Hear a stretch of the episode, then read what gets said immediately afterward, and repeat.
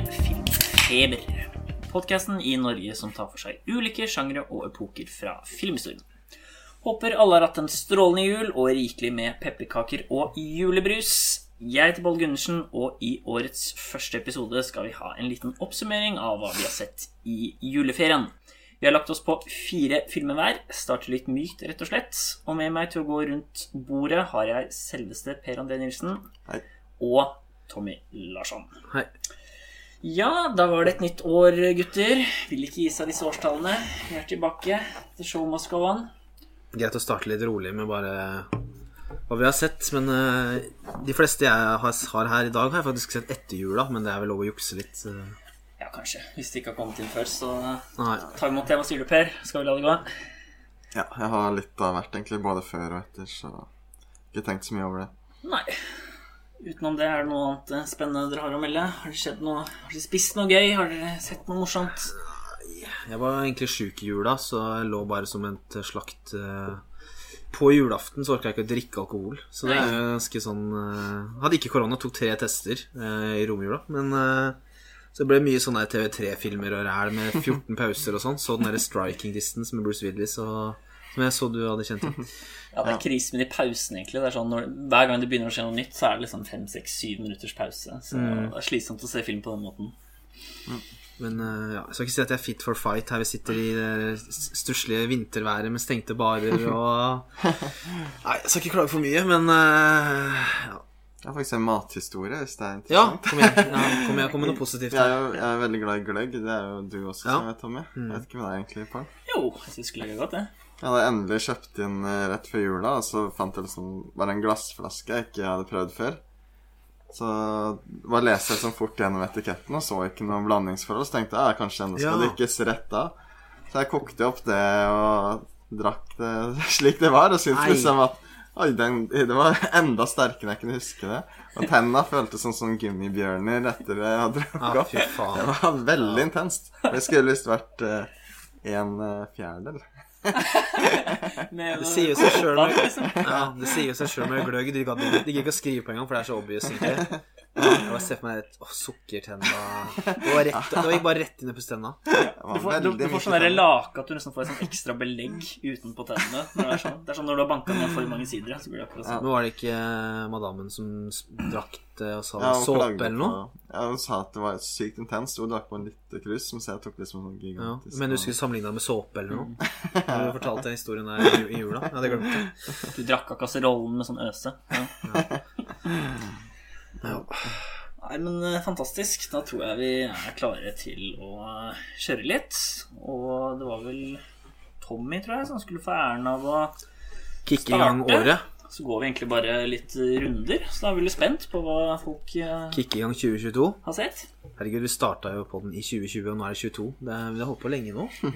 På Tre år, tre år, eller Vi, er, over tre år, Ja. på en måte. vi kan skrive et tredje år, Ja.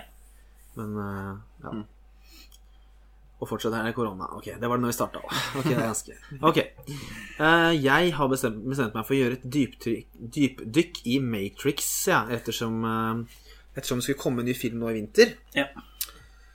Og så hadde jeg faktisk aldri sett uh, to og tre, Reloaded og Revolutions, fra 2003, egentlig. Sånn Jeg hadde sett noen scener fra de, selvfølgelig. Jeg har jo sett dette når Keanu Reeves' Neo liksom slåss mot eh, Agent Smith i regnet der, og jeg hadde sett noen klipp og sånn, men jeg hadde egentlig bare sett eneren mange ganger, og så har jeg liksom aldri De kom liksom da jeg var litt for ung, og så har jeg bare vært litt for eh, Jeg vet ikke, litt for teit. Så jeg bare tenkt at de gidder jeg ikke å sjekke ut.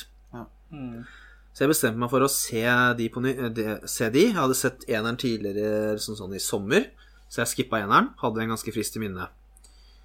Eh, jeg kan bare si litt, bitte litt om eneren først, da. Eh, den så jeg og ble litt sånn derre Ja, hva skal man si? Den har jo litt den derre Det er så utrolig 1999, og du får litt den derre Vanskelig ikke ha litt ironisk distanse til hele konseptet. Har blitt parodiert så mye og sånn, men, men samtidig var liksom inntrykk at dette er det er, det, er, det er skikkelig kul fortsatt, og så den i 4K, den var så utrolig skarp, og jeg ble så imponert over det, og Mm. Ja, vi må jo nesten bare snakke litt kanskje bare om Ja, Matrix-fenomenet. Ja. For jeg er jo to år eldre enn dere, så jeg vet ikke om det hadde så mye å si, men sånn på slutten av 90-tallet så var det liksom nesten liksom noe av det største sånn filmopplevelsen. Ikke nødvendigvis at det var liksom det beste, men det var på en måte det flest snakket om i skolegården, og det var så, så sykt. Jeg tror det også var litt fordi det var så nærme år 2000, da. Det er liksom overgangen.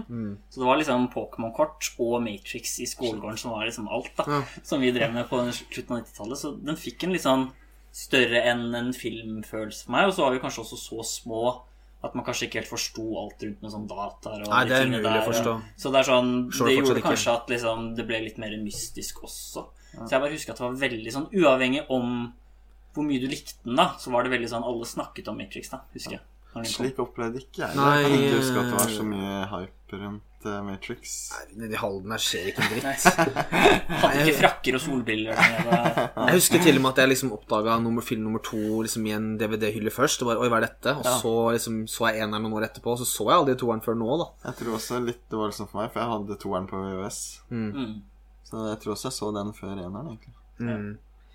Men jeg opplevde den i hvert fall som relativt frisk når jeg så den nå i sommer, og kanskje særlig nå etter jeg har sett de tre andre, da. Så jeg skal gå litt inn på det. Men jeg skal ta det litt stykkevis, sånn at uh, vi tar det på rundegang her. Men da kan jeg jo starte med The Matrix Reloaded, da, som jeg så nå i helga. Hadde som sagt sett klipp, men jeg var veldig sånn clueless på hva er det som egentlig er med i denne filmen, og hvordan er det den fortsetter etter den første, liksom. Det første som slo meg, var hvor stort hoppet ned det er med en gang. Sånn ti minutter inn, så tenkte jeg at det var litt sånn parodi allerede. Faktisk. Uh, eller litt sånn der Saturday Night Live-sketsj, på en måte. Sånn der, så tydelig at den på en måte er på et annet nivå. Da. Og den har en sånn veldig struktur som jeg merka med en gang. At den er veldig sånn Her har vi en kvasifilosofisk dialog. Vi sparker og slår ned bad guys. Vi må finne denne tingen. Vi går videre. Ny, ny, ny dialog. Slåss litt, gå videre. Det er veldig sånn hele veien. Den har veldig sånn kapittelinndeling. Veldig sånn Mens eneren er så utrolig mystisk, kommer med et nytt liksom, opplegg og hva, Oi, hva er det dette handler om? Mens toeren er så veldig sånn Nå skal vi bare gå videre i historien. Vi skal ikke introdusere så mye spennende, da. Så jeg følte at den var litt tom for innhold, særlig sammenlignet med én. Uh, og så Ja, den bygger egentlig ikke på med noe nytt tankegods, da. Uh, jeg føler den bare tilføyer liksom diskusjoner som bare roter seg mer inn i tematikken, mer enn at den utbroderer og bretter ut det som allerede er der. Eh, Så det var det første jeg tenkte når jeg så den nå i helga. Og øh, For det- er litt paradoksalt, for den er på en måte veldig komplisert likevel. Den har på en måte sånn Og nå skal vi komme med masse nytt prat. Men den, klar, den klarer ikke å brette det ut, samtidig som den er mer opptatt av å være en blockbuster enn den første òg. det er mulig jeg er liksom for dum for det, da, men det er mye som ikke er lett å forstå sånn med en gang. Når det bare raser ut med liksom The Oracle forteller masse, og Neo har 100 spørsmål og jeg klarte, jeg klarte liksom ikke å bearbeide fall de nye tingene i nummer to så veldig mye videre. Jeg bare hører hva de sier tenker ja, greit. Eh, Mens i første film så er det faktisk sånn her at Oi, det er spennende, liksom Platons hulelignelse og sånn herre Hjula begynner å spinne opp i topplokket, da, på en måte. Ja, de er vel ikke også litt sånn den lengste jeg har sett dem, at de også overforklarer og fjerner litt av mystikken fra en Ja. og syns jeg også rundt universet. For eneren er jo ganske bra laget hvordan den holder tilbake litt informasjon, men samtidig er litt filosofisk. Mens toeren føler jeg bare spyr på og kanskje tar vekk litt av noe av det som også var bra med eneren. Så jeg også syns den nesten har fått litt sånn tilbakefallende, litt dårligere effekt på eneren også, faktisk. Ja, okay. Fordi universet blir litt svakere. Åh, da skal du bare vente. Men, eh, men ja, jeg skjønner veldig hva du mener. Mystikken er liksom ganske allerede borte. Jeg ble litt sånn overraska over det, for den er, ja, den er jo fire år etterpå. Og den føles jo som i den er i samme univers, i motsetning til den nye som er så langt etterpå, da. Men Ja. Skal ikke øh, foregripe med de andre. Nå er det toeren vi snakker om, men Det jeg husker Men- best fra toeren, egentlig, er en sånn car chase, uh, Ja. Og det, det var det jeg skulle komme til nå, da. For det er det positive. At jeg kan i hvert fall generelt si at actionsekvensene er ok, men at de har tatt litt overhånd i forhold til det som eneren gjør bra. Men bilsekvensen, den syns jeg var ganske enorm. Den er veldig voldsom. Sånn Jeg tror nesten det var 20 minutter med bare konstant De hadde de bygget en egen sånn svær highway på ekte. Og det er masse biler som kjører, de hopper imellom, og det er ganske sånn imponerende, i hvert fall for 2003 med CGI der. Den føles kanskje litt tom som actionsekvens likevel, men det er veldig sånn Dette vil kanskje Kanskje særlig dere to si da, at den føles jo at det er negativt, for den føles litt som en sånn prototypscene for superheltfilmene som vil komme etterpå. da For det er så mye sånn kamera som Sånn snurrer rundt i mens de slåss oppå biler og hopper rundt. Og det får jo litt sånn herre dette, dette er liksom kom seinere i de filmene vi ser nå, da. Ja. Uh, men det er jo imponerende når du ser det her. Uh, men ja, den var så lang at det nesten ble komisk, den bilsekvensen. Uh, og så syns jeg den Neo mot 100 Agent Smith synes jeg ble for dataspillaktig. Og ja, jeg vet det er 2003, men det er veldig tydelig noen scener at det er fullanimert, faktisk. Ja, okay. Du ser at det er, liksom, det er en datafigur da, som slåss der. Eh, kommer tilbake med noe med treeren hvor, er, hvor, det er litt bedre. Men eh, siste jeg kan si, er at uh, den byen Zion som introduseres, minner meg om sånn kloakken i Alien 3. Sånn at jeg vet at det er grønt At det er grønt og sånn, men jeg syns den var liksom, bare litt mindre cinematisk og litt litt Jeg syns det var litt kjedelig å være der, egentlig. Og så bråstopper jo filmen til slutt, da. For det er veldig tydelig at det er kutta i to, og at film nummer to og tre er én film. Så mye mer enn jeg kanskje kan huske noe annet sted.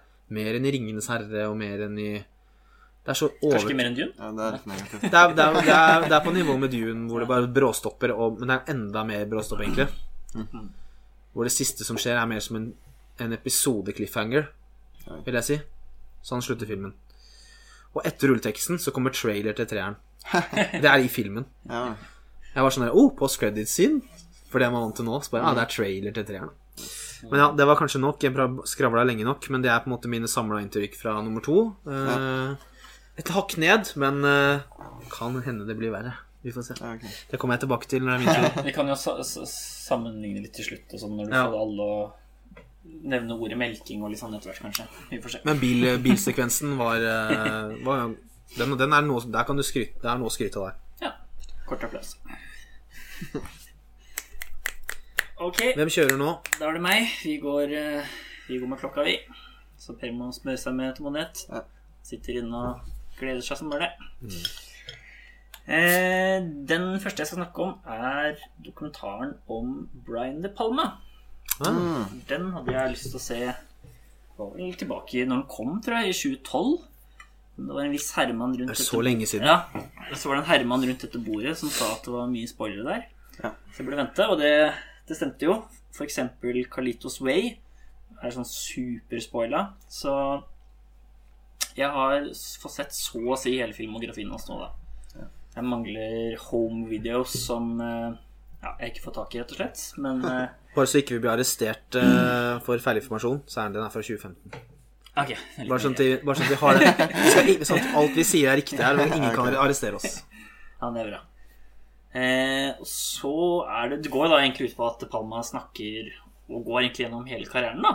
Fra start til slutt. Så da var det egentlig litt gøy, selv om han har jo ikke så veldig bra filmer egentlig i starten. De er ganske sånn lavbudsjett, og det er ikke så veldig bra. Men det var gøy å på en måte ha sett de, og da få sett de i kontekst. Siden han faktisk tar seg tid eh, med alle det. da Og det er jo masse kule klipp fra hele karrieren. Du får veldig lyst til å se liksom, filmene hans om igjen. Ja. Og veldig mange av de beste så jeg jo først. Så de har jo egentlig veldig lyst til å rewatche nå etter jeg så den. For jeg har på en måte sett liksom de svakeste liksom opp mot den dokumentaren, da. Eh, så jeg syns det er utrolig kult. Kunne kanskje vært litt lenger om hver film, men samtidig så skjønner jeg også Han har jo veldig mange filmer, så da hadde jo på en måte dokumentaren blitt veldig lang. Så det er absolutt liksom klippene som gjør den dokumentaren verdt å se, da. Hvis man liker eh, blant Brian De Palmas filmer.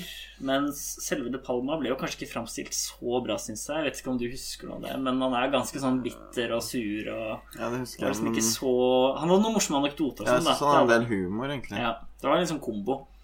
Men det virker jo ut som han Han refererer en del til Steven Spielberg, for de var jo sånn veldig gode venner på den tiden. Og han har jo gjort det ganske mye bedre karrieremessig, sånn hvis man tenker på sånn mainstream og inntjening og Det virker som han kanskje føler seg litt sånn i skyggen av Spielberg, da. Men samtidig så tenker jeg jo sånn Han lager jo mye mindre kommersielle filmer, da. Og han har jo blitt ganske anerkjent blant mange kritikere, i hvert fall. Og har jo tjent nok til å bli en rik mann, så tror det er ganske stor i Frankrike, blant annet. ja, så jeg tenker jo kanskje sånn ut ifra de filmene han har laget, så har han egentlig gjort det ganske bra. Jeg kan ikke forvente noe mer med de rare Spielberg. Nei. Nei, jeg kan liksom ikke forvente det, da. Han er Spielberg for er rotete òg. Han Ja, er ikke sant? på en måte ikke like flink. Nei, for jeg tenker at kanskje der han er dårligst, er jo kanskje sånn skuespillinstruksjon og at eh, historien henger sammen. Og det er noe mainstream-folk føler er, er veldig opptatt Ja, av. de to De snakker liksom er det bra historie, er det bra skuespill. Mens Blonde Brande Palma er jo mer god på liksom kreative ideer og morsomme ting og filmatisk Cinematisk, og sånne ja. ting. ikke sant? Så ja. Men hvis man uh, liker Brandy De Palma, så anbefaler jeg den veldig, fordi det er gøy å få kontekst, og han snakker jo veldig mye om ikke sant, hvilke filmer som gjorde det bra, hvem som gjorde det dårlig, hvor han liksom måtte krangle med produsentene for å få fram tingene sine. Så det er litt sånn gøy hvis man er litt interessert i sånn bakgrunnsting, da. Jeg har hatt veldig lyst til å se den, men jeg ligger jo langt bak på De Palma-filmer, så det er det som er problemet mitt. Ja. Altså, de siste jeg så, er sånn Vi kan du styre unna, på en måte. Det er ikke så farlig. Det var mer sånn gøy, for jeg nærmet meg sånn, så da var jeg sånn Ja, da ser jeg de før jeg ser dokumentaren. Men av de store, hvis du liksom mangler noen av de der Carrie og Calitos Way og alle de der, så Ja, anbefaler jeg veldig å se de først, fordi de blir spoila. Mm. Jeg har Calitos Carlitos Way på laserdisk, så det er kanskje bare å få på den laseren, eh, så er jeg i gang. Er det Noah Baumbach som står bak? Er det ikke Ja, og så er det vel en til låt, tror jeg, som ikke var like kjent. For de tre hadde visst blitt venner, da. Og så lagde de liksom en dokumentar etter det. Jeg setter egentlig veldig pris på at det liksom utelukket er Palma som prater, for jeg syns en veldig negativ ting eh, som ofte oppstår i disse dokumentarene om regissører, er at skal inkludere så mange, mange som mulig Ja. gjester som liksom er eh, fan av han, og som bare sitter og godprater og liksom snakker en person opp. Da. Det er mye mer interessant å høre fra han direkte Mm. enn uh, en sånn skryteliste, da. Ja. Jeg vil også kanskje nevne at det fins en tilsvarende film Eller dokumentaraktig greie med Woody Allen, hvor han går gjennom biografien. Den er sånn tre timer eller noe. Han har jo ganske mange filmer. Så, Mm. Han så den anbefaler jeg. Ja, hva heter Er det Det husker jeg ikke, men det er kanskje sånn fem-seks år siden. Jeg tror jeg var TV-produsert, for jeg tror det fins to Mm. cuts med ulike lengder også. Ok. Mm. Dette er jo litt, litt av en karriere å gå gjennom, da. Ja. han er er ikke ferdig heller. Eller nå er han kanskje faktisk nesten ferdig. Han er jo Ja, kanskje. Jeg vet ikke. Altså i form av cancel, tenker jeg på. Men eh, Jeg tror Han har sikkert laget noe etter det det. kommer jo, men det blir jo ikke vist noe sted, og ja. Ja, vi får se. Mm. Ja, men det var den. Da kan vi gå videre til Per. Jeg skal da starte med en ganske ny film fra i fjor. Som heter The Hand of God av Paolo Sorrentino. Mm. Og den har vel du også sett, på? Mm Eh, Ja, likte du den egentlig? Jeg likte den veldig godt. Jeg vet ikke om det. Jeg, altså, den var jo Selv om den ikke var like god, så følte jeg det var på en måte en kombo av The Great Beauty og Call Me By Your Name. da Selv om Ja. den på en måte Den er ikke like god som de, men jeg følte det var på en måte det universet. da Paolo Sorrentino sin filmskaping med liksom det idylliske Call Me By Name. da Jeg skjønner litt hva du mener. Jeg likte den faktisk veldig godt.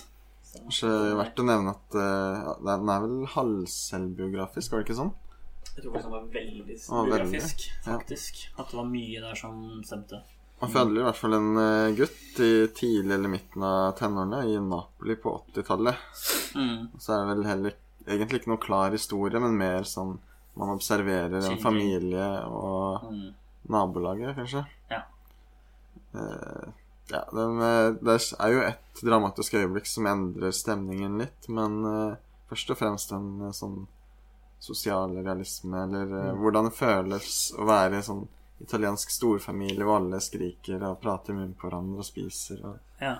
Det var ganske morsom, syns jeg, faktisk. Ja. Vet ikke om du syns det, og egentlig litt sånn drøy humor også. Jeg føler ikke det er spoiler, kan jeg si det er hun ene i familien blir sammen med en eldre fyr. Og det er liksom ikke måte på Når liksom de ser han går opp, så snakker alle fy faen, han er blitt sammen med en boms'. Og når han kommer opp, så har han sånn derre South Park eh, Og det er ikke måte på hvor mye de skal mobbe han. Og det, er liksom, det er ganske sånn hard, og så etterpå så er det sånn de skal bade.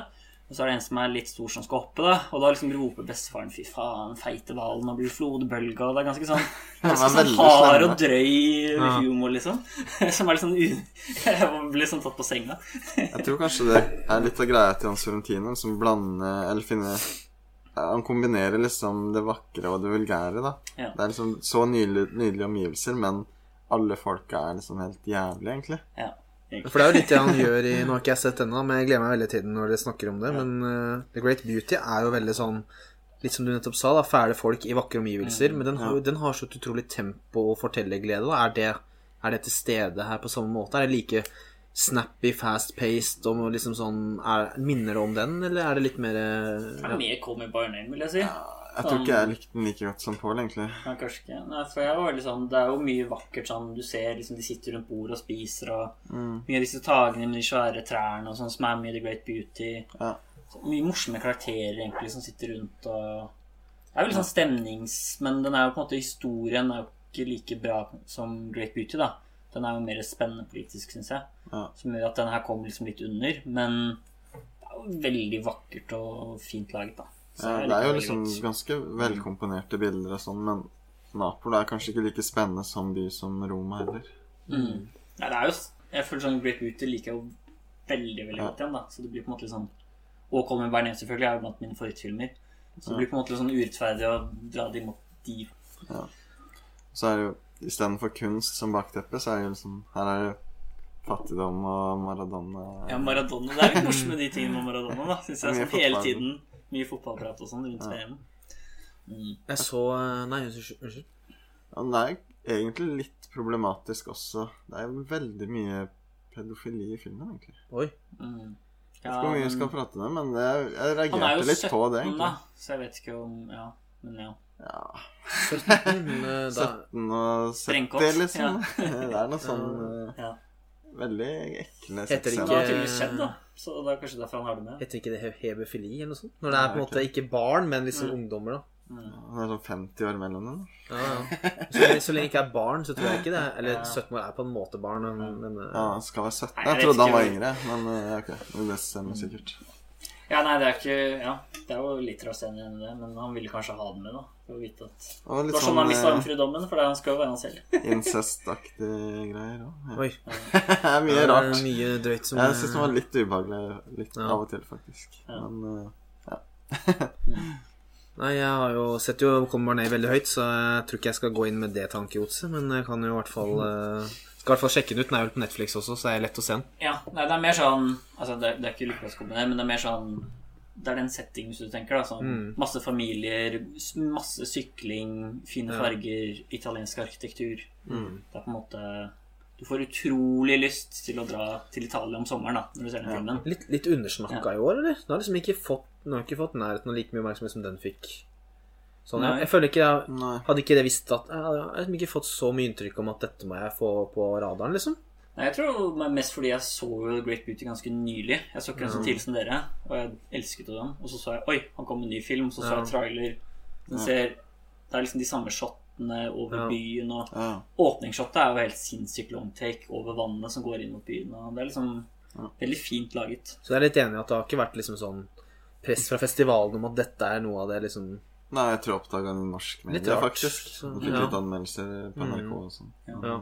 Jeg vet liksom ikke hvor stor han er. The Great Beauty er på en måte kanskje mer kjent enn han, kanskje. Jeg vet ikke. Han, Ja, kanskje. Mm. han snakkes jo ikke like mye om som liksom de aller største regissørene i samtiden. Nei. Nei, da er vel meg igjen, da. Ja. Går det ikke det? Jo. Da skal vi tilbake til eh, Der er det bare å legge seg ned i søla, ta ledningen inntil ryggen og knytte seg til kapslene, ikke det? Ned i kapslene, pod, sette podden i gang. Dobbel betydning der.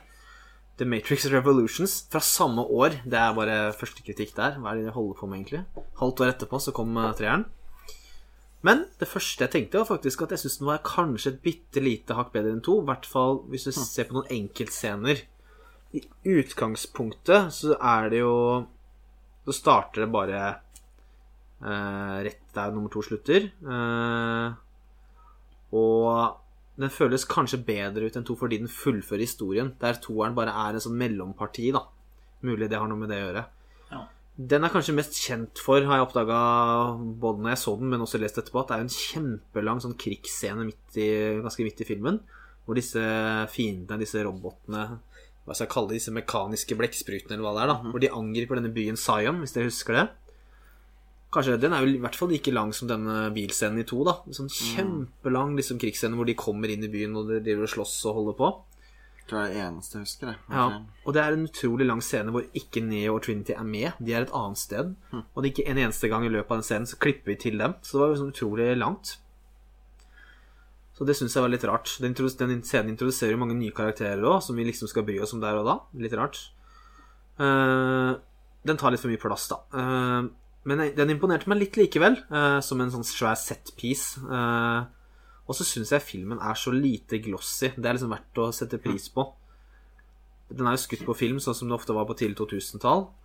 Og så er det disse robotene de går inn i de når de skal beskytte den, den ekte verden da, fra disse robotene som styrer Matrix. De går inn i sånne aliens. Eh, sånn som Ripley går inn i aliens, sånn du går inn og du styrer armene. Mm. Litt sånn som i Avatar òg. James Cameron tydeligvis, som er opptatt av dette her. Ja, dette er det sant. Hvis du husker det, de der robotene de går inn i. Og det, er, og det, det zoomer ut, og du ser mange av de. Og da liksom tenkte jeg just dette ser liksom utrolig bra ut å være 2003, og det er så lite glossy, og det ser liksom skittent ut. Og... Så det skal, det skal sies, da, hvis jeg først skal si noe positivt her. Uh, kampscenen mot slutten mellom Neo og Agent Smith i regnet der, bare de to mot hverandre, topper den eh, fra Reloaded, hvor det er 100 Agent Smith samtidig. Her er det bare de to i regnet.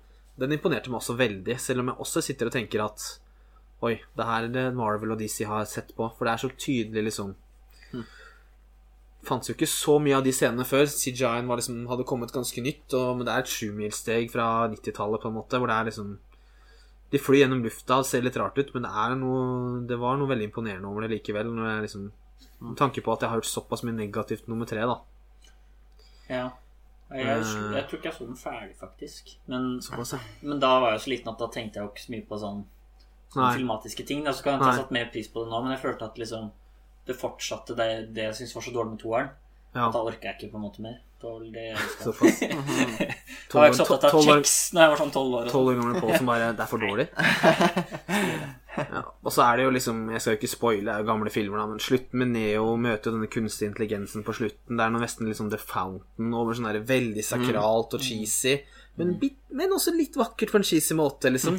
Vi lagt ned den der greia, og det er liksom en gudaktig stemning. Og jeg satte litt pris på det på en cheesy måte, men eh, det er jo mm, merkelig hvordan den filmen, trilogien, endte. Og som du sa tidligere i uka, Pål, når vi prata litt om dette her, at eneren er så blir vanskelig for meg å ikke hoppe litt rundt. Nå snakker jeg egentlig om treeren, men hvordan, hvordan eneren introduserer dette, disse spennende te- temaene, og to og tre prøver å lande det Ja. og gjøre det, utvide det, men samtidig egentlig bare gjøre det mer actionfylt.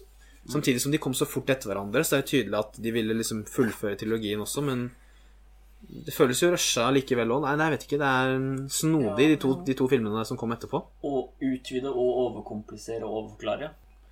Og bare ha lange sånne krigsscener hvor ikke Neo er med, og bare sånne ansiktsløse roboter som bare står og slåss, slår på hverandre, liksom. Men uh, ja. Jeg har egentlig ikke så mye mer å si der, fordi jeg har jo skrevet eh, notatene her litt inn i hverandre, så det neste står der om den nyeste filmen, så det Ja. tar jeg når min runde kommer rundt, men da der har du Ja, jeg vet ikke hva jeg skal si. Det Som dere hører, litt positive ting om begge to, men sammenlignet med én, så er det jo ganske åpenbart et uh, stort fall. Ja, kan ha en liten oppsummering på den siste også. Ja. Da er det min uh, nummer to. Da er uh, Crush Claudio Mango-sideren åpna, og da tar vi neste film. Det er 'Burning', som er en sørkoreansk film fra 2018. Jeg trodde jeg, alle, jeg trodde jeg først det var den der norske Burning, Oh, ja. bilgreiene. Nei, Dere har fått med det? ja, den tar vi neste gang. Eh, jeg kom egentlig over den, for jeg så at den var på en del litt sånne Best of-lister. Jeg syns det kan ofte være sånn gøy ting å finne litt filmer som ikke bare er fra Hollywood. Så så jeg at den var høyt oppe på både Sight and Sound og Cashier du Cinema, blant annet. Tenkte at jeg måtte teste den ut. Eh, og jeg syns den var veldig bra. Eh, det handler om en fyr i Sør-Korea som må ta over gården til faren sin fordi faren sitter i varetekt og venter på en dom, da. Det er litt uklart eh, hva han har gjort. Men han kan i hvert fall ikke drive gården, så da må han eh, unge hovedpersonen ta over denne gården. Eh, I tillegg til det så møter han på en dame som gikk på skole sammen med han for veldig mange år siden. Og så har jeg egentlig ikke lyst til å si så mye mer enn det, så det er kanskje ikke det beste sånn innsalget plottmessig, men grunnen til det er at allerede med dette møtet med henne damen, da, så begynner på en måte mysteriet. For dette er en sånn skikkelig sånn thriller- og mysteriefilm. Så jeg kan på en måte ikke røpe hva hun sier til ham, da. Eh, og jeg syns den er veldig spennende, og det holdes tilbake veldig mye informasjon. At liksom hver eneste ting som denne hovedpersonen gjør, da, blir spennende, og man kommer på en måte alltid et steg videre, samtidig som du aldri liksom har helt oversikt om hva som skjer, og også de nye personene som kommer inn, da, hva slags intensjoner de har. Er de slemme? Er de snille?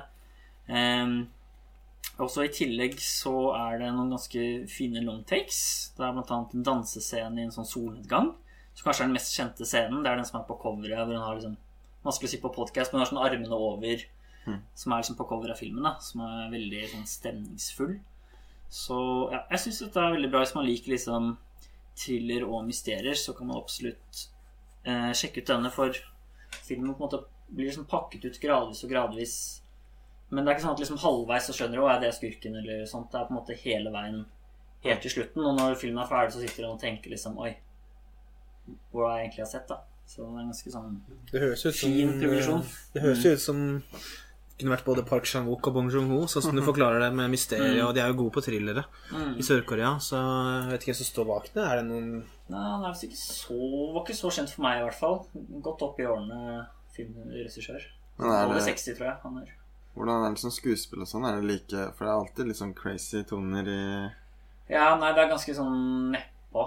Så det er ikke sånn Park Chan-wook. Er det like voldelig og sånn òg, eller er det også mer eh, Eh, dempa, på en måte? Det er nok mer dempa det òg, egentlig. Sånn, det er litt action som skjer, men det er på en måte Det er ikke sånn Parasite-action, på en måte. Det er mer sånn spennende thriller. Og han er jo med han eh, Han heter han som var Oscar-nominert i Minari Jon? Heter han kanskje? IEUN. Ja, i hvert fall han. Eh, Han som ble Oscar-nominert som er i Walking Dead.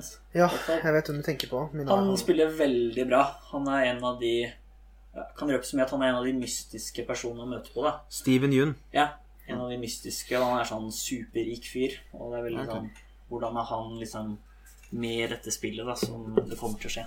Så han spiller veldig, veldig bra. Og, ja, utrolig spennende. Ja. Så den kan anbefales. 'Burning' fra 2018. Hmm. Mm. Kult. Yes. Gå videre til meg. Yeah. Eh, Take it away. skal fortsette i 2021. Kanskje eneste julefilmen i kveld, tipper jeg. Ja, jeg tok en før, så det passer bra at du tar en etter. Eh, det blir da 'Tre netter til Askepott'. Oh, Norske filmen av Cecilie Mosli. Mosli? Ja. Ok. Ja, Du så- koste deg på kino.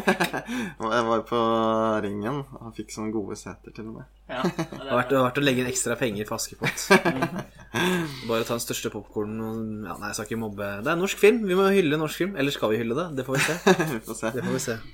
Eh, Da jeg kom ut av kinoen, så tenkte jeg umiddelbart at uh, dette stinket, men jeg var positiv av hvor fort tida gikk. Og, så, Nei, jeg har kombo med ja, ja, kanskje. og det som er litt fælt, er at For jeg hadde Jeg trodde på forhånd at den var to timer, og da gikk tida vanvittig fort. Så fant jeg ut i ettertid at nei, den var 85 min. Så da Det er kort, ja. Så jeg forklarer er hvorfor det det føltes som de to timene gikk så utrolig fort, da. Men Har du noe forhold til originalen, da? Er det sånn at du har tra tradisjon på den, eller liker du ikke den? Jeg så den faktisk for første gang i år, eh, den også. Ja. Dobbel Askepott i jula. ja. Ja, så kan da, du har ikke det Ja, nei, da har du ikke den. Da må du ta en sånn dobbel review, da. Hvem er best og sånn.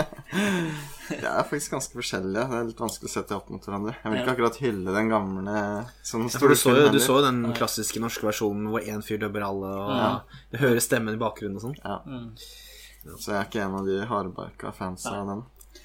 Det er vel det som kanskje har gjort at mange har blitt så gira. Ikke sant? At de har liksom sett den hver jul, og så kommer det en ny film nå. Ikke sant? Så er det jo sikkert Da blir man vel gira, tenker jeg. Mm.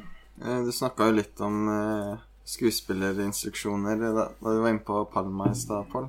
Ja. Og det er jo også noe å bite merke i den filmen her, at det er veldig mangel på det, da. ja. Eh, Gjør som du vil, eller Ja, det er jo litt som eh, dessverre mange norske filmer, føler jeg, at eh, nesten alle skuespillerne virker som de er i sin egen film, eller passer ikke helt sammen. Mm. Både i måten spiller, men også eh, ja, dialekter. da. Det er veldig merkelig, syns jeg. at det er mye variasjon? Ja, det foregår i en liten bygd, og så har du liksom både trøndere og østkant-Oslo, Lasse og Geir og Snurper smella denne samme- mannen som et lokomotiv. Snurper smella det, Askepott. alle De kan være liksom samme, bo i samme hus og være for slekt og sånn, og likevel så er det helt uh... Ja, det, det, men det er veldig vanlig i Norge, føler jeg. Det var vel sånn Den derre er Rådebanken heter noe sånt. Jeg tror det sånn episode er da var det sånn plutselig faren bergenser, og det var veldig sånn Ja. Det er veldig vanlig, tror jeg, at Ja. Bare har den miksen, tror jeg. Ja, Men det er kanskje litt ekstra ille her siden det er eh, gamle dager og en liten Ja, det er bygd. én Da har du ikke så mye trønder og bergensere, Det kanskje. er én person som snakker litt sånn her gammelt og formelt, men uh...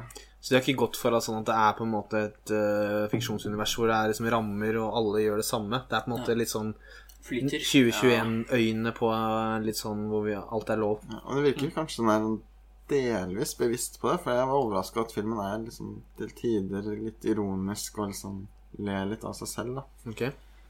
Men eh, ja, det var skuespill som var det største problemet. Ja. Hun Astrid S er faktisk ålreit, syns jeg. Ja. Men hun nå har eh, litt problemer med dialekten som kommer og går, da. Mm. Det er også verdt å nevne den der ballscenen, som er ganske kjent, da, hvor hun skal imponere så voldsomt. Mm. Det var veldig merkelig, for alle går i sånne gamle barokkskjoler, og så kom Astrid i sånn eh, Ja, sånn prinsessekjole fra Brio. Brio? Han ser så billig ut at Det er ikke for skjønn du reagerer på kostymer i Vi kan sitte og se en film og jeg ikke engang tenker på sånn det The Favourites.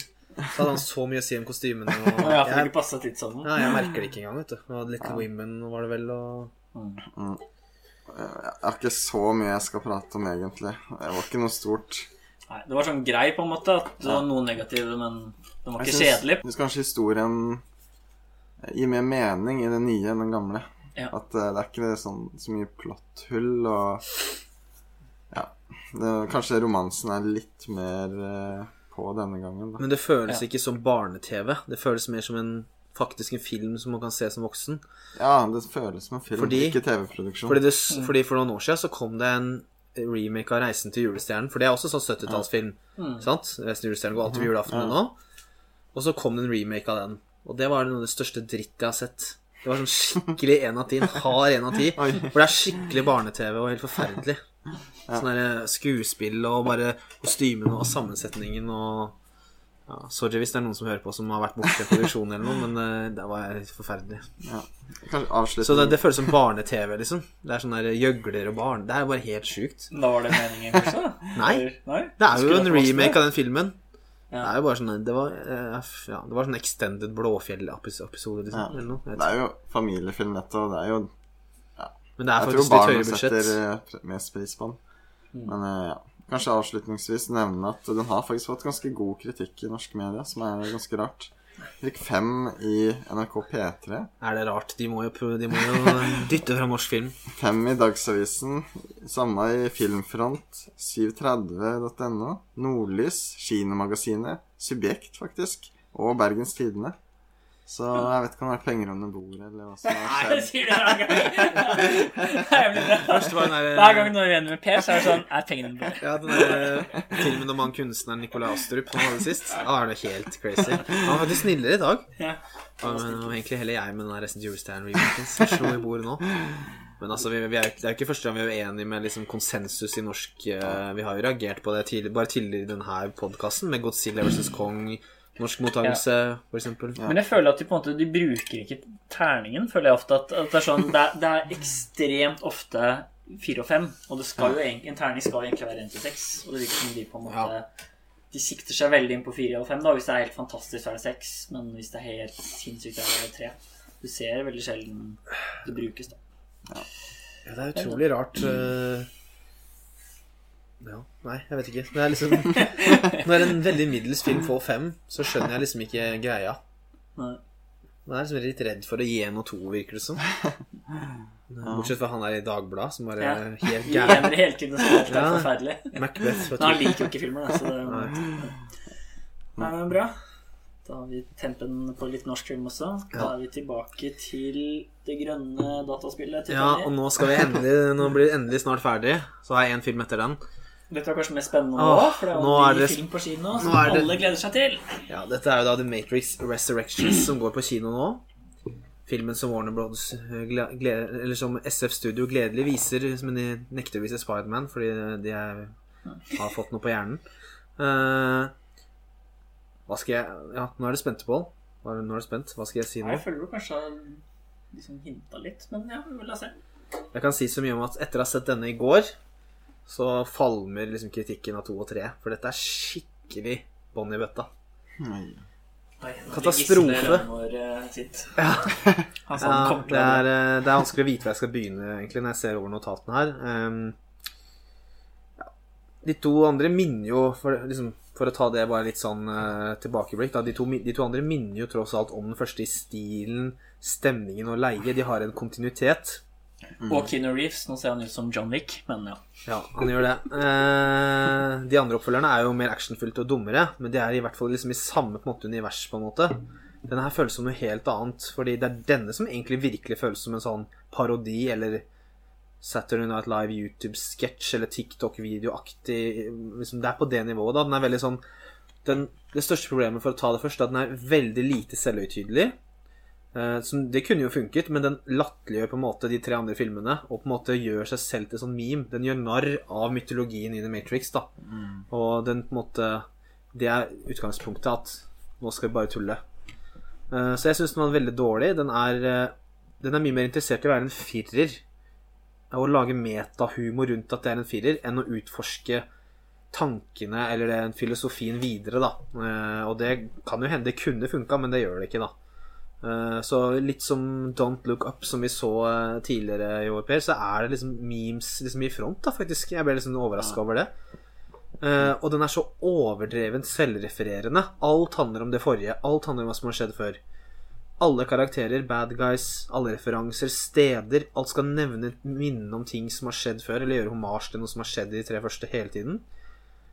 Men i stedet så er det bare dyttet i ny platt satire, som jeg ikke liksom jeg skjønner ikke hva de prøver å si, og det er smørt inn med kanskje det verste av alt. Nei, det er det ikke, det er ikke det verste av alt, men det er fryktelig sånn glossy foto og cinematografi. Det ser ut som sånn parfymereklame innimellom. Keanu Reeves går bortover. Det er sånn glinsende solnedgang. Og det ser helt forferdelig ut. Du kan godt si at ja, det skal være i et, liksom, i et spill Matrix og sånn, men de tre andre er jo ikke sånn. Men det syns jeg faktisk man la merke til allerede i traileren, og likevel fikk det ganske mye positiv eh, oppmerksomhet av folk jeg egentlig mener har ganske peiling på film. da. Så det Ja. er veldig overraskende. I tillegg så er det jo John Toll, som jeg fant ut, som er foto... Han, jeg må tenke hvem er det som har filmet dette her. Og han har, heter John Toll, og han har The Thin Red Line og Braveheart, for å nevne to. Og han har lagd denne parfymereklamen her. eh, liksom, det er nesten så jeg venter på at Gina Jolie skal komme rundt hjørnet og bare Smell the perfume. Malik har jo laga parfymereklame, han. Ja, så det var eh, Men det er greit når det er parfymereklame. Dette er jo ikke parfymereklame. Jeg, jeg, jeg har litt å si, men hva skal jeg? Altså eh, Jeg kan jo si at de første par minuttene var litt spennende. Den starter ganske lovende. Eh, For filmen introduserer noe helt i begynnelsen som kan minne om multiverse, eller at liksom Og det virker som i starten Jeg skal ikke spoile filmen, men at det kan virke som i starten at det er flere Matrixer, og det er liksom Vi går dit fra starten. Så tenkte jeg ok, dette kan være greit, for det er noe helt annet. Men etter fem-ti minutter så bare raste den ned. Jeg skjønte ikke hva jeg så på, nesten. Det er sånn merkelig blanding av humor og alvor, og jeg og samboeren bare så på hverandre bare Kunne nesten ikke tro det. Så tenk, husker jeg sa etter en av de verste scenene første kvarteret, så sa jeg sånn Oi, dette var skikkelig rart, men nå merker jeg at eventyret begynner å ta seg opp, så kanskje det blir bedre nå. Men det ble ikke det, altså. Eh, kanskje den verste av alt er de derre som jeg la litt vekt på i stad, actionscenene. Altså nummer to har denne lange, kule bilscenen, og tre Uh, har denne både denne, det er angrepet på Zion, men også den Mr. Smith mot Neo, den hovedkampen som jeg sa var bra i stad. Her er det ingenting sånt. Det er bare helt fraværende. Det ser ut som sånn, der, sånn zombie-apokalypseaktig, bare sånn TV-serie. Sånn der, du skjønner ikke hva som skjer. Det er masse sånne ansiktsløse horder av fiender, og det bare Jeg hørtes ut som snakker om Space Jam 2, egentlig. Så det er det masse rart som skjer. Ja, det er liksom sånn Ja. Uh, jeg vet ikke Det er liksom Det er to hovedbad guys. Begge er like dårlige. Det er ikke sånn at én er bra, én er dårlig. Uh, de spiller sjukt dårlig. Og det er to kjente skuespillere. Jeg skal ikke si hvem de er, for det er en Spoiler? Eh, Det er ikke sikkert at de er liksom bad guys fra starten. Eh, og funksjonene deres er bare rør. Eh, og til og med Keanu Reeves altså Han er jo ikke kjent for å være den beste, men han funker jo bra som Neo. Her er han merkbart dårligere. Ass. Du merker at han reagerer på en rar måte. Altså Det er verdt å nevne at det er jo kun eh, Lana Wachowski ikke, Det er jo ikke begge regissørene engang her heller. Så det, altså Kan det ha altså, hvor, Det er ikke det veldig rart, for det første? Har vel ikke laga så mye annet bra. Nei, men nå er det liksom endelig Matrix igjen, så blir det bare den ene, og så er det så annerledes. da Det føles ikke som det er fra samme stemmer. Og jeg skulle virkelig ønske at, ble, at prosjektet ble gitt over til noen andre, sånn som Star Wars ble, sånn som Blade Runner ble, hvor en annen, ung, annen stemme kan gjøre sin vri på det. For dette er virkelig ikke noe øh, jeg vil hylle. Men slik jeg skjønte, så ønsket hun ikke at det skulle komme en ny film, og valgte å lage en film om at hun ikke ønsker det. Eller i hvert fall en, en øh, den, er- tolkning den jeg er, har lest den er om ekstremt on the nose da, hele tiden. Mm. Jeg kan jo Jeg vet ikke hvor mye jeg skal avsløre, men altså Den handler veldig om at dette er Matrix 4, på en måte. Ja. Karakterene vet nesten at det er en oppfølger, og den gjør veldig narr av reboots og sånn. Mm. Problemet er at Fordi det kan man gi den Man kan gi Kanskje Hvis jeg skal- eneste jeg skal gi kred for, er at den er nettopp det. da Sånn litt, litt eksentrisk og sær, og at den kommenterer på det, og at det ikke er en Force Awakens, for det kunne det vært. Ja. Men den ender jo kul opp med å være sånn supergenerisk action. Ikke i nærheten like kult regissert som den andre. Horder av ansiktsløse, ansiktsløse fiender du ikke vet hvem er. Hva er det egentlig som står på spill her? Du skjønner ikke hva som skjer. Så jeg vet egentlig ikke om det var verdt det å gå den rare veien. Hvis, kanskje når det ender opp like med å være generisk, da. Det kunne kanskje vært bedre hvis det ble en sånn Blade Runner 2049 hvor det går en helt annen vei. La noen andre lage filmen. Jeg tror bare du bør skryte seg på eneren, egentlig. Det der jeg står. Jeg, jeg Ja, det er for sent. Jeg føler på en måte ikke det er stort nok univers, på en måte. At det Mm. på en måte litt snevre universet i eneren holder til en film, da, føler jeg. Det er jo egentlig mange muligheter her. da. Det er mye man kunne gjort. Ja, men jeg føler litt Noe av det som er bra med eneren nå, er jo at alt blir ikke forklart, ikke sant, også. Så jeg tenker at du trenger på en Mystikken er borte for lengst her. Ja, du trenger på en måte ikke å lage mange filmer for å forklare hvordan Matrix fungerer, for det, da mister du litt av styrken til Matrix. ikke sant? Det er sånn, ja, du skal tenke og skjønne litt av filosofien, men du skal på en måte også være litt i et nytt sted og ikke få med absolutt alt. da, tenker jeg også litt av styrken til Matrix. Så Men det som er liksom, for å oppsummere, da, det som er hovedproblemet her, er at den er en, en meme i filmform. Altså den til og med refererer til sånn kattevideoer i filmen omtrent. På, det er på det nivået. sånn, Den er veldig opptatt av at se, vi gjør narr av Matrix, vi er liksom litt bevisste her. Men samtidig, et andre sted i filmen, så er den gravalvorlig, og da er det skikkelig cheesy og dårlig når det først skal være alvorlig. Når det er det kjærlighetsforholdet mellom Trinity og Neo, og se så lidenskapelig det er. Når det bare er omringa av det meme-greiene, så klarer jeg ikke å sette pris på det. Og det i tillegg er så dårlig regissert, da. Så da har jeg i hvert fall senka Da har jeg senka forventningene deres kraftig, så dere, Ja. hvis dere ser den, så kanskje dere er uenige, men eh, jeg, jeg, ble i hvert fall veldig skuffa. Og det kunne jo vært en kul film når du er gått 20 år, og du vet jo ikke hva, hvilken vri får vi på det. Nei, veldig skuffa, dessverre. Så gå tilbake til eneren og kos deg. jeg tror nesten ja, for Det hadde nesten vært bedre hvis, hvis Det ble ikke mulig, men hvis toeren og treeren ikke hadde vært laget, og så kom det en sånn film da. det hadde kanskje vært, da hadde jeg kanskje vært mer interessert òg. Men når jeg liksom så veien toeren etter det gikk, og så høres det ut som nå at nå bare blir det enda verre, så blir det sånn ah, Men det er, Kunne så vært så mye bedre. det er så mange franchises som har prøvd på det også. Terminator og ikke tilbake til å fortsette fra toeren. Og mm. eh, Halloween gjorde det nettopp det samme, å fortsette fra eneren. Så de prøver på noe nytt sånn sett, Ja. og det er som sagt litt Litt liksom positivt at de prøver å gjøre noe såpass sært, men det er liksom likevel Den utgir seg for å være det, men ender opp med å være mer generisk enn de gamle, da. Du mister den særegenskapen den de første, i hvert fall den aller første, men også to og tre har sammenligna med den, da. Mm. Så det Ja, nei, det Unngå hvis dere Nei, dere må jo kanskje ta Det får være opp til dere, men eh, Ja, det blir spennende. Det Ja. har jo fått litt sånn mixed egentlig Ja. reviews. Jeg, Jeg kan jo ikke- slenge på at uh, jeg så at Filmpolitiet ga fem, så det er liksom det er meningsmangfold her.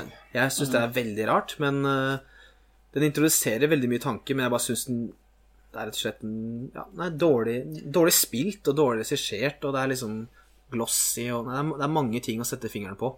Den prøver seg også på noe sånn veldig snodig monolog inni der, med noe sånn kritikk av Facebook og Wikileaks, og, og det er bare så liksom Jeg skjønner ikke. Er det der vi har kommet? Handler det ikke om liksom virkelighet og eksistensfilosofi? Det er noe helt annet, da. Det blir sånn kritikk av sånn herre Alle ser bare på mobilen sin, kattevideoer og sånn. Å, gud. Nei, jeg kunne ikke tro hva jeg så på. Ja, ja. Sånn kan det være.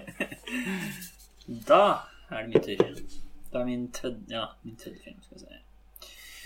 Eh, Det er en annen regissør jeg har sett en del av det siste året. Eh, Det er David Cronenberg. Og ja, jeg er et godt stykke unna å bli ferdig med han, men eh, jeg har sett et par til han i jula. Den jeg har lyst til å trekke fram av liksom de siste jeg har sett han, da, er Eastern Promises. Mm. Som egentlig er en litt utypisk Cronenberg-film. Fordi det jeg liker veldig godt med hans filmer, er jo ofte de praktiske effektene. Altså liksom sånn håndarbeid, sminke, installasjoner, bodyhorror. Han er jo helt rå på dette her. Men i tillegg syns jeg også at han ofte har veldig sånn originale og kreative ideer. Det er ofte sånn, Hvis, hvis du leser liksom synopsiset til en Cronenberg-film, så ligner det ofte ikke på så veldig mye annet. Mm.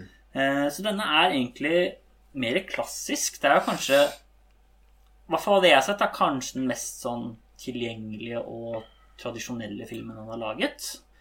Eh, men jeg syns også at han klarer det veldig godt og bra her også, da. Så det er ikke sånn helt øverst Cronberg, men den er ganske høyt for meg, da. Sånn av filmen hans. Mm. Han begynte vel med litt med det på Mulig jeg er ikke noen ekspert, men han begynte vel litt med det på liksom 2000-tallet. For han hadde jo History of Violence før denne, også med Viggo Mortensen i begge to. Ja. Så det er på en måte han Den er begynte litt rarere, på en måte. Den er litt Men rar, men, men, det er på en måte ikke sånn- ren body horror, da. Nei, den er ikke The Fly, liksom. Nei. Så, er så har han jo gått mer og mer den veien også seinere, så Mm. uten at jeg er noen ekspert. Ja, så går han litt tilbake. Jeg har hørt at den Cosmopolitan eller Cosmopolis Cos- er veldig sær. Så, Så vi sammen. tror jeg. mm. Jeg har ikke sett den. Jeg har ikke sett den. Nei, Det er dessverre. ikke ærlig, det er bare en fyr som sitter i taxi to timer eller noe, ikke Nei, fader, nå blander jeg. Ja. Ja. jeg tror ikke jeg har sett den. Nei, den er ganske sær. Eh, men, men ja, i hvert fall, det handler om Existence. Ja, Den er jo dritrar, da. Den så vi, vi sammen. Ja, Den Ja. Den er jo superrar. Ja. Den likte vi ikke så godt. Nå skriver vi ut her. Ja. Det er kanskje det vi skal. det er. Vi skal ikke være så rigide. Nei, nei, det går helt fint, nei. Skal ikke avbryte det heller, da. Det fins en mellomting. Kjør du. Kjør da, Bobo. Kjør. Jeg kan si hva den handler om. Ja, gjør det. Ja, Ja, Det begynner snart fotball nå. ja, ja. ok, men lenge. Det er da eh, en russisk undergrunnsmafia i London som kommer i konflikt med en sykepleier spilt av Naomi Watts. Eh, fordi hun kommer på sporet av at de mest sannsynlig har voldtatt og drept en tenåring. da. Så at hun prøver å finne ut dette, her, for hun finner da en dagbok, og den er på russisk. Og hun har da en steonkel som kan russisk, da. Så det er på en måte den veien hun kommer inn til å liksom finne ut av her er det et eller annet uh, muffins, da.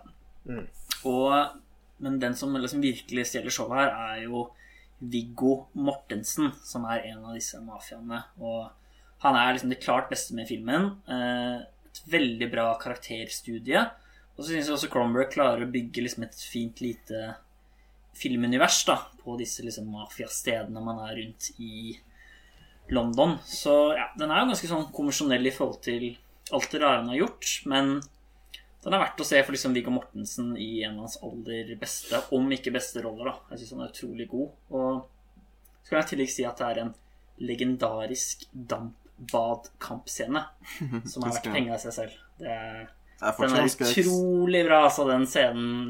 Jeg skal ikke røpe, men det er bare en skikkelig bra scene på sånt eh, Hva er det ungarsk eller tyrkisk sånn dampbad. Ja. Har du sett den, før? ja. Eh, volden er vel fortsatt ganske ekstrem. ja, veldig bra. Det har ikke Cronberg kutta ut. Nei. Så det er fortsatt Cronberg, men det er bare ikke alle de sjuke tingene som skjer med spise ekle ting og liksom alt det rare han kan finne på. Rambo 4-nivå? Nei. Det er som regel svaret på det spørsmålet. Nei. Det er som regel Det er, det, ikke er, ikke- det er ikke over the top, men det er bare veldig mm, bra laget og brutalt, da, på en måte.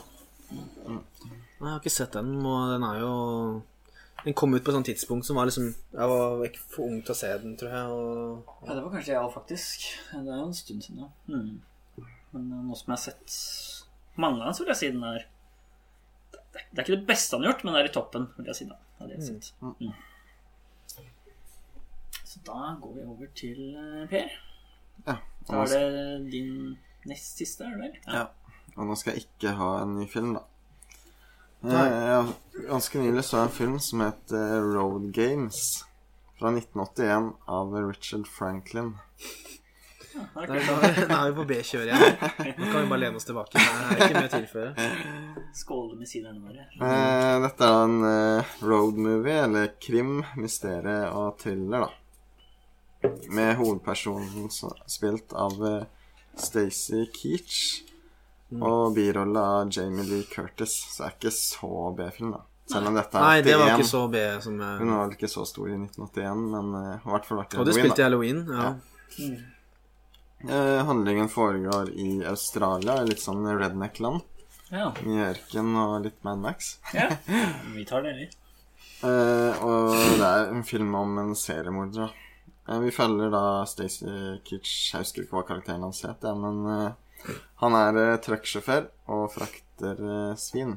Eller ja, svinekjøtt. Og så frakter svin eller svinekjøtt? Ja. Ja, ok. Det er De er allerede slakta. okay. Eh, og mens han kjører langs eh, disse ørkenveiene, så opp, eller følger han en eh, sjåfør som liksom driver med sånne mystiske ting, da, og liksom lurer på om han har drept noen, eller hva som er greia. For det har også vært litt i nyhetene, tydeligvis, at uh, det er en seriemorder Mord? på Ja. Han treffer ikke på Nicolas Cage som leter etter grisen sin. Nei. Okay. Så og liksom ja, Man bare følger han kjøre, og så plukker han opp masse lokale artige karakterer underveis, og liksom har sam masse morsomme samtaler med dem på bilen, eller i bilen. Og filmen er egentlig utrolig Hitchcock-inspirert. Jeg føler at den ville vært en klassiker hvis den kom på midten av 50-tallet og var i Technicolor. Så filmen handler om en som plukker opp folk og prater med dem? Mens han følger etter en shady kar, da. En sånn køddete versjon av Taste of Cherry, nesten. Og Ja, ja. Han som bare plukker opp masse folk i bilen. Men litt sånn der eh, Jeg skjønner hva du mener med Hitchcock òg. Sånn både, både 'Strangers on a Train' og 'Lifeboat' er jo sånn karakterer på et kjøretøy, og det er et mysterie, og de prater sammen på en måte. Så er det liksom- plott, da. Både med mord og litt sånn humor. Som sagt, den lokale er veldig morsomme, da. Mm. Og så hun uh, Jamie Lee Curtis er en av de hitchhikerne han plukker opp, og han kaller henne Hitch.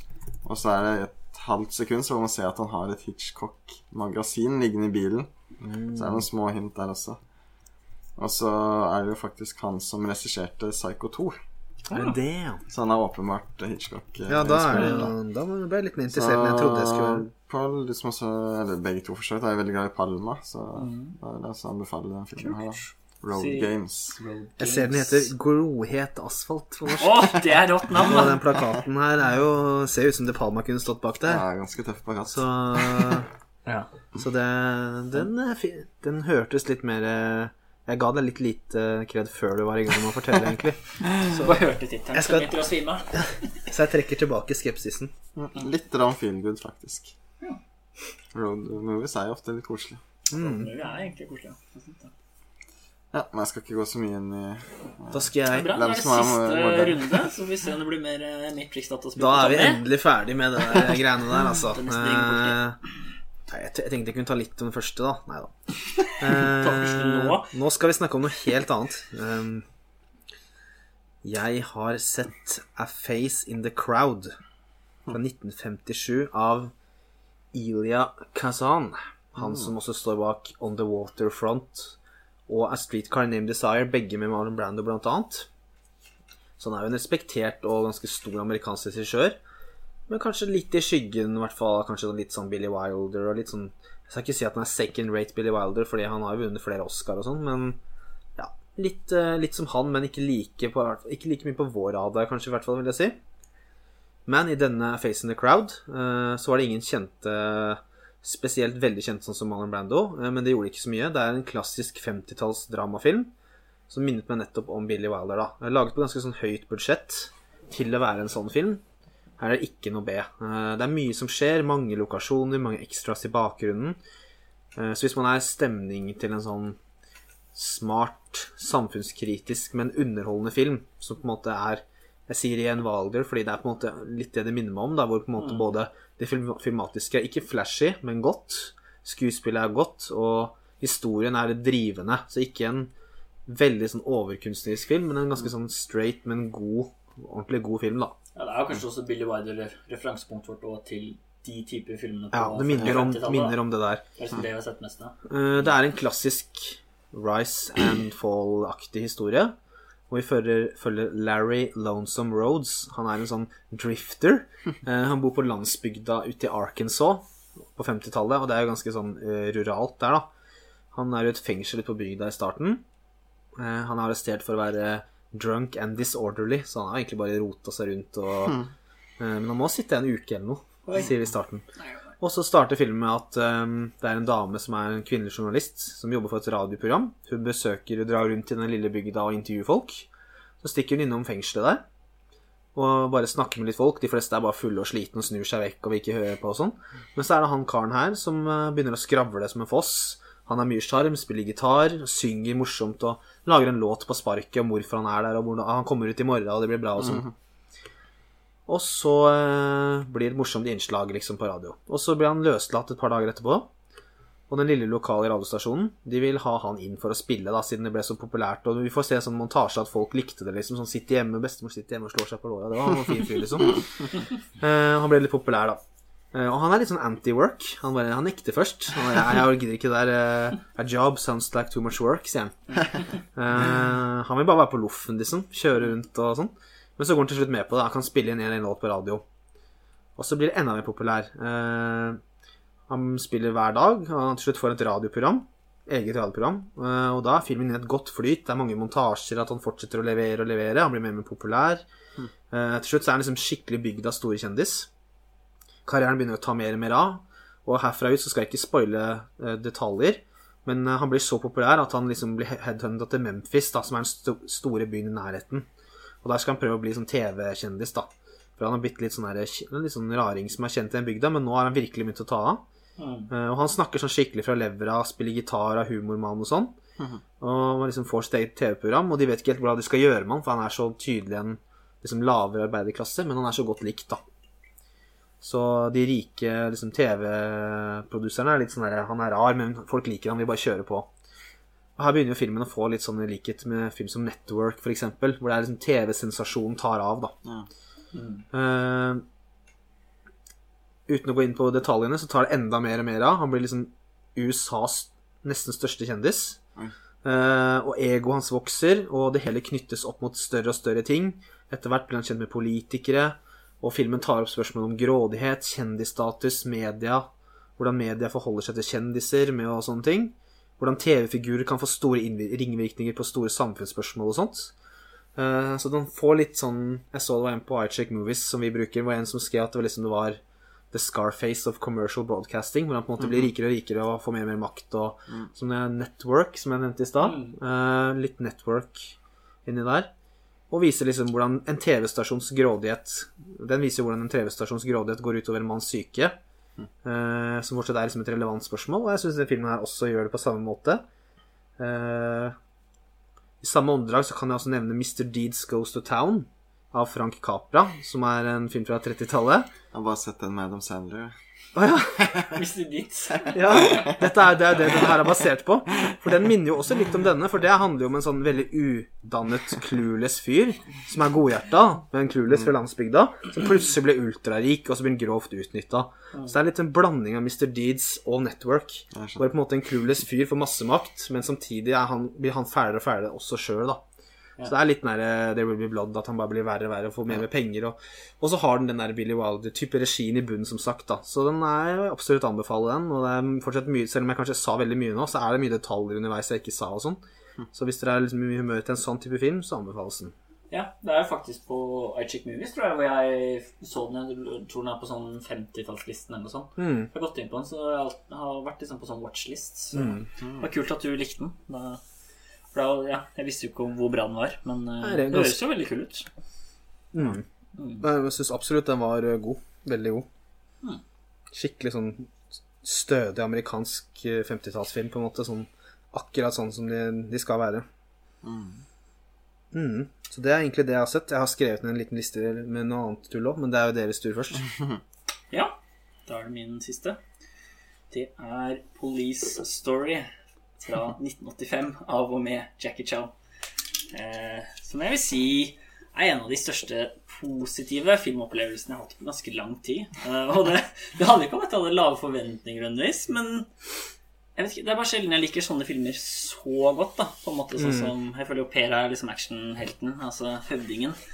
Og jeg liker mye god action, men den her var sånn ordentlig, ordentlig bra, altså. Eh, Og ja, nei, jeg vet ikke, hva skal man si? Jeg kan begynne med det åpenbare. Det er jo de villeste liksom, actionstuntene jeg noen gang har sett, egentlig. Det er jo helt absurd nivå, både på det liksom Jackie Chan gjør, men også det han på en måte instruerer de andre til å gjøre. Da. Han er jo også regissør, så han har jo veldig mye liksom, jobb med og, liksom, hvordan alt liksom, skal i disse actionscenene med også de andre folkene. Da. Og det er jo liksom hva er det? Altså, det kjøres biler nedover en dal med brakkehus som maltrakteres.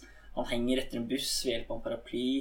Han kaster seg liksom ned en sånn påle gjennom et glassvegg. Den scenen spilles av sånn tre ganger. Den akkurat den scenen blir ofte trukket fram. Ja. Ja, og det er liksom Det er så mange sinnssyke actionsekvenser som er liksom De er så organiske òg. Det er ikke den klassiske sånn ti rundt, og én kommer fram én og én og blir slått ned, og så kommer neste. Det er liksom alltid noe sånn kastes på, hoppes, kommer en bakfra. Det er liksom utrolig godt vellaget, da. Det er så kreativt og imponerende, føler jeg. Jeg er enig. Og så klippes det og jukses ikke noe særlig rundt. Det er liksom ekte stunt og Ja, jeg ser at de faktisk kan kampsport, da, dem eh, som er i filmen. Mm. Så syns jeg heller ikke ser ut som de danser, sånn som de holder på i John Wick og sånn. altså, Kung Fu Hustle og sånn. Ja. Og så er det jo selvfølgelig andre kule ting òg. Det er jo slow motion, liksom. En fyr som liksom snurrer ti ganger rundt gjennom en rute. Og det er et helt Egentlig et helt sånn sinnssykt lydbilde. Altså sånn Når liksom folk blir slått, så er det den derre Jeg vet ikke om jeg skal forklare det, men det er skikkelig den der smack. Så når du liksom blir sparka og slått, det er smokk. Som gjør at det blir veldig sånn underholdende. Og den siste liksom klimaksfighten på kjøpesenteret syns jeg er bare helt sånn så utrolig bra koreografert. Hvordan alt skjer. Det, det er sånn på nivå med hardboil sykehusscenen, føler jeg. Altså hvordan liksom alt som skjer, og hvordan liksom det bare kulminerer til et sånt ellevilt spetakkel. Jeg syns det er ekstremt imponerende. Ellers så er også liksom pacingen bra. Det er liksom mye, men variert action. da Du begynner med action, og det kommer flere underveis. Det er ikke sånn at du liksom venter til en time med prating, og så er det noe i midten, og så er det noe på slutten. Så jeg syns den er bra der. Jeg syns også den er ganske bra skurker. Sånn, de er litt sånn Det er ikke den klassiske sånn superbad guy, men det er litt mer sånne sleipe, irriterende fyrer som du liksom blir sur på, da, som du liksom at Jackie skal ta. Uh, om det er noe litt pirk, så er det en del slapstick. Å ja. skal Skulle eh, til å skryte av det. Men... Oh, ja, man kan ikke det er så morsomt. Sånn, det er kanskje litt overdrevet noen ganger han setter noe i halsen og ramler og slår hodet og liksom, Veldig sånn Charlie Chaplin, på en måte. Men eh, det er ikke Altså, det er ikke noe stor negativitet, på en måte. Og noen av de scenene er også ganske morsomme. Sånn, han tråkker i kudritt og moonwalker, og det er liksom Han, han, får, han får det på en måte til. jeg syns liksom den kombinasjonen som gjør Jackie så bra, da. Han er liksom Det er så koselig, de filmene. Eller eh, Ja. Aldri så Det er aldri alvorlig, da. Mm. Det er vel også en del sånn eh, mislykka forsøk i rulleteksten, er det ikke? Ja. Rulletekst på slutten, så er det noen fire som eh, tar sting i hodet. Og du ser jo ofte hvor galt det går. da Det er jo sånn sinnssyk scene hvor han først hopper på en buss, mm. og så er det sånne reklameskilt. Så først hopper han over en, og så sklir han under en annen. Og det er liksom ikke sykt, han gjør det på ekte. Mm. Og så etterpå hopper han gjennom en glassrute, da. Og så etterpå i rulleteksten ser du han bare tar ut sånn tre svære sånne glassgreier ut av huet og sånn. Så han får kjørt seg ganske mye. Det er ganske vanlig at han brekker noen ribbein og sånn i løpet av innspillinga. Det er helt spinnville altså, stunts, for å si det sånn. Mm. Så ja, jeg blir imponert at han liksom både har regi og hovedrolle. Så Mm. det kan anbefales på Vistory. Det er fire, fire eller fem oppfølgere. Blir det, blir det dagbok framover på poden her, eller? Jeg skal i hvert fall se de fire første, tenker jeg. Jeg har sett en til som var bra, men det var på en måte litt svakere på alt. Sånn Ja, litt kjedeligere historie, litt mindre action, litt mindre spektakulær action, på en måte. Så Den er bra, men den her er sånn drit. Dette er sånn terningkast seks, så den er kanskje sånn fire, da, kanskje. Sånn. Jeg husker toeren hadde en helt ekstremt stor eksplosjon i slutten. Og et sånn lager sprenges, Mm. og Jackie løper ut av bygningen mens det smeller bak han. Ja, Det er så svært at det er ja, helt det er ganske utrolig. Det er litt- det er en liten fyr som hopper og tar tre spark i luften, og det er ganske kult. Ja. Matrix. Ja, Ta notater. Ta deg en bolle, ta deg en bolle ass. Så da er det kveldens siste film, og den får Per æren av å utdype om. Det blir mer action. Eh, dette, jeg tror kanskje det er første gang jeg skal prate om eh, en rewatch Oi. i liksom denne spalten. da Ja. eh, Men det var så lenge siden jeg hadde sett den at det nesten føltes som første gang. da Mm. Filmen jeg har valgt å gå for, er eh, 'Cliffhanger' fra 1993. ja, sant det. Åh, den har jeg ikke Eh, sett. Renny Harlin. Eh, den er da med Sylvester Stallone. Mm. Eh, John Lithgow, som jeg prata en del om Palma. Ja. Ja, han tenker jeg mest på, Palma. Og Michael Rooker, som har vært i en del eh, Marvel i det siste. er ikke? Ja, det er han ene fra Guardians of the Galaxy Ja, han derre mm, Han grønne. Manuset er også skrevet av Stallone, som alltid er positivt. Og Lithgow spiller skurk, da, som han ofte gjør. egentlig Mm. Han er god. Og er veldig god til det. Eh, filmen er da satt i Rocky Mountains, så det er en veldig vakker film, egentlig. En del snø, selv om det ikke er julefilm. Mm. Eh, og dette er da regnet som en av de virkelig gode Die Hard rip-offs, eller klonene, da. Som også gir mening, med tanke på at eh, Harlin regisserte Die Hard 2. Mm. Den blir ofte trukket frem sammen med Sudden Death og Under Siege, ja, Air Force One og den type ting. da. Mm. Eh, det som gjør filmen så bra, er egentlig blandingen av karakterer og god action. da. Eh, det er liksom for, for eksempel, dette er en heistfilm på samme måte som disse Die Hard rip-offsa.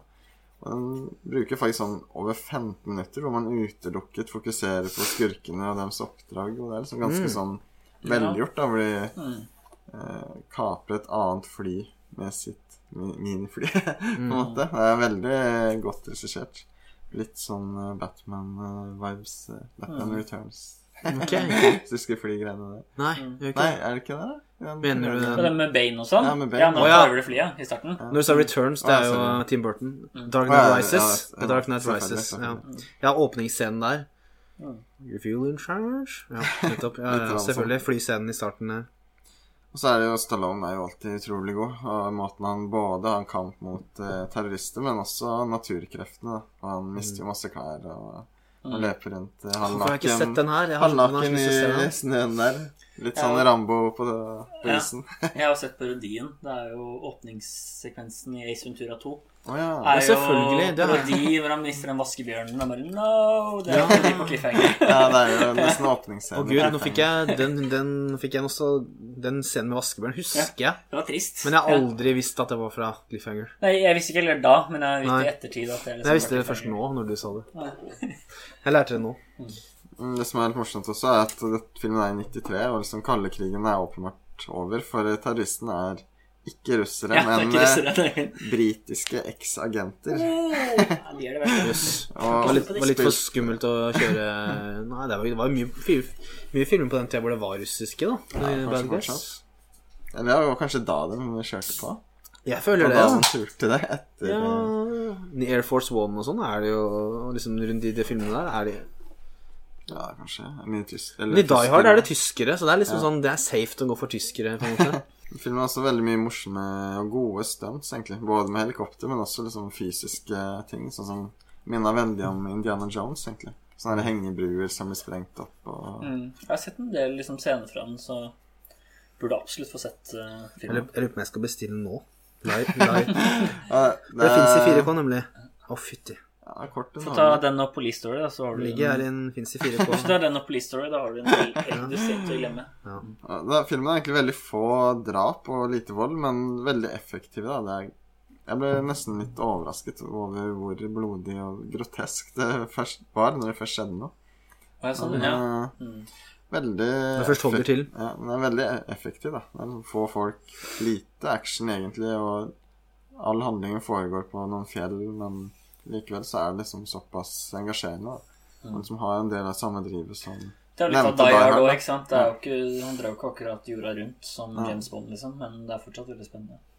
Mm. Ja, så den anbefaler jeg. Så du får litt følelsen av at Rambo, etter at han har vært i Afghanistan i Rambo 3, drar videre opp i snøen opp i Mount Everest, liksom. Ja, det kunne, kunne vært. Er han mest lik Rocky eller Rambo, kan du si noe sånt? Hvordan han er? Rambo han er mye mer sånn løs kanon, og han er jo på en måte snillere som Rocky, på en måte. Det må jo være Rambo. Han er dummere som Rocky. Ja. Ja, Rocky Ja, er, det er veldig dum. Ja. Han får aldri med seg noe. Han er dum, men han, er, han har et godt hjerte. Ja, Han har et godt hjerte. Ja. Snill og naiv. Yes, så det var min siste film. Da starta vi sterkt. To action rett ned i nebbet etter Ja, eh, Matrix-fadesen. Jeg har skrevet et par andre sånne der, men jeg tror kanskje vi bare jeg sparer til neste gang. Det vi har skravla en stund. Ja, ja, men da er vi egentlig i gang, og vi tenkte jo neste gang å ta en sånn poll. Det har vi gjort én gang, det var vel den episoden The Apartment vant. Mm. Så hadde vi en poll, så hvis dere ikke følger oss, så er vi på eh, Instagram, Filmfeber. Så kommer vi da til å legge ut en poll mellom to filmer, er det vel. Så Ja. kan dere stemme på den dere liker best, da. Vi, har, vi, har ikke, vi skal ikke røpe enda, men det kommer på Instagram hvilken film det blir. Mm. Nice. Er det noen siste velvalgte ord, eller skal vi gi oss? Få på litt fotball. Ja, nå ja. Bowen og Antonio får på noe. Nice. Ja, men da ses vi i neste episode. Ha det bra, alle sammen. Ha det.